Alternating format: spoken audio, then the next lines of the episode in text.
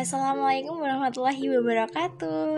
Selamat sore, selamat malam, selamat siang, dan selamat pagi. Hai semuanya.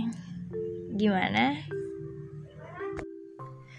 Duh, bingung nih harus mulai dari mana?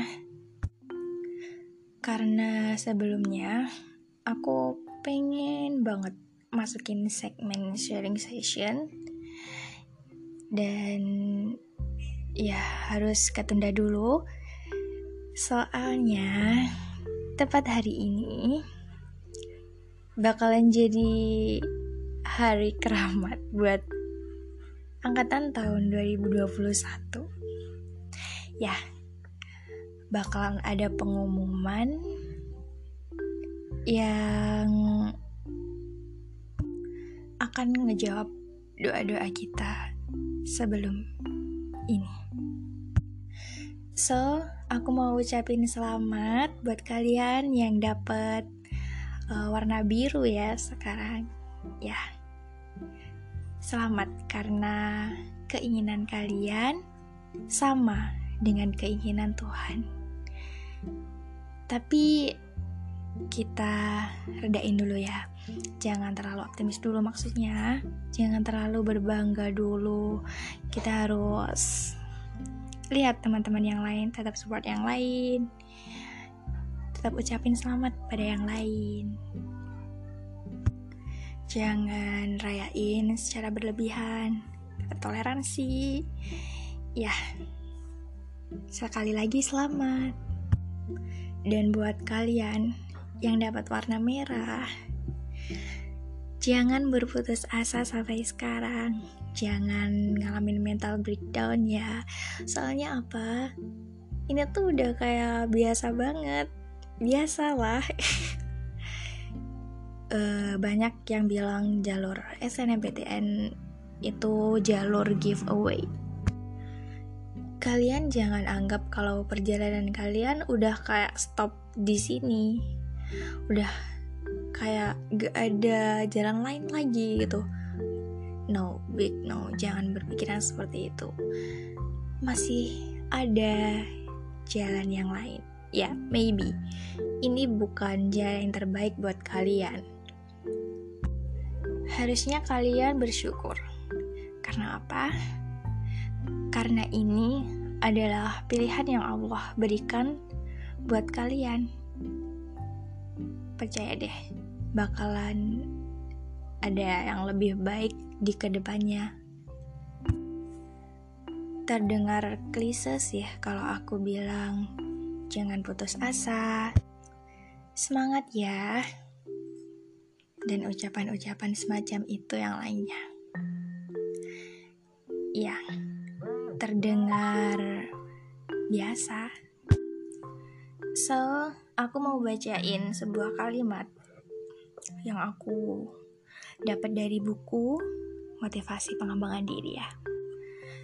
Oke, jadi bunyinya gini. Hasrat untuk mengejar semakin banyak pengalaman positif sesungguhnya adalah sebuah pengalaman negatif. Sebaliknya, secara paradoksal, penerimaan seseorang terhadap pengalaman negatif justru merupakan sebuah pengalaman positif. Intinya adalah, semakin kalian berusaha merasa baik setiap saat, kalian akan merasa semakin tidak puas. Karena mengejar sesuatu hanya akan meneguhkan fakta bahwa kalian tidak baik. Dan semakin mati-matian, kalian berusaha ingin menjadi lebih baik, atau bisa dikatakan jiwa-jiwa perfeksionis, dan itu bakalan bahaya banget buat mental kita, mental healthy. Satu lagi, pernah kan kalian memperhatikan bahwa kadang ketika kalian kurang mempedulikan sesuatu, kalian justru mengerjakan hal itu dengan baik.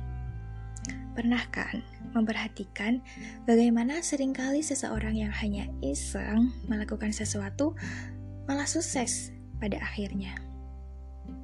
Pernah kan memperhatikan bahwa Bagaimana kadang ketika kalian terlalu fokus pada sesuatu, semuanya justru berantakan. Apa yang sebenarnya terjadi? Sebelumnya, ini jadi pertanyaan terbesar di kepalaku. Ya, kenapa gitu? Yang menarik, ini tentang hukum kebalikan adalah alasan mengapa sesuatu disebut terbalik, yaitu bersikap masa bodoh sesungguhnya menghasilkan sesuatu yang besar. Anyway, jangan menyalahkan keadaan, jangan menyalahkan takdir, dan jangan terlalu lama terpuruk atau menyalahkan diri sendiri. Karena setiap orang pasti punya jalannya masing-masing. Tapi tunggu-tunggu. Buat yang tadi, aku bukannya buat nyuruh kalian bodo amat gitu ya. Maksudnya bodo amat di sini artinya memandang tanpa gentar. Tantangan yang paling menakutkan dan sulit dalam kehidupan. Dan yang pastinya kalian mau mengambil suatu tindakan. Kalau kata Kak Gita, whatever that may come, you and I just need to do well. Be nice to ourselves, to people around us. Because we are given only one chance, we only live once. The key to life a happy life is to always be grateful and don't forget the magic word ikhlas, ikhlas, and ikhlas. So, fighting, I see you on top.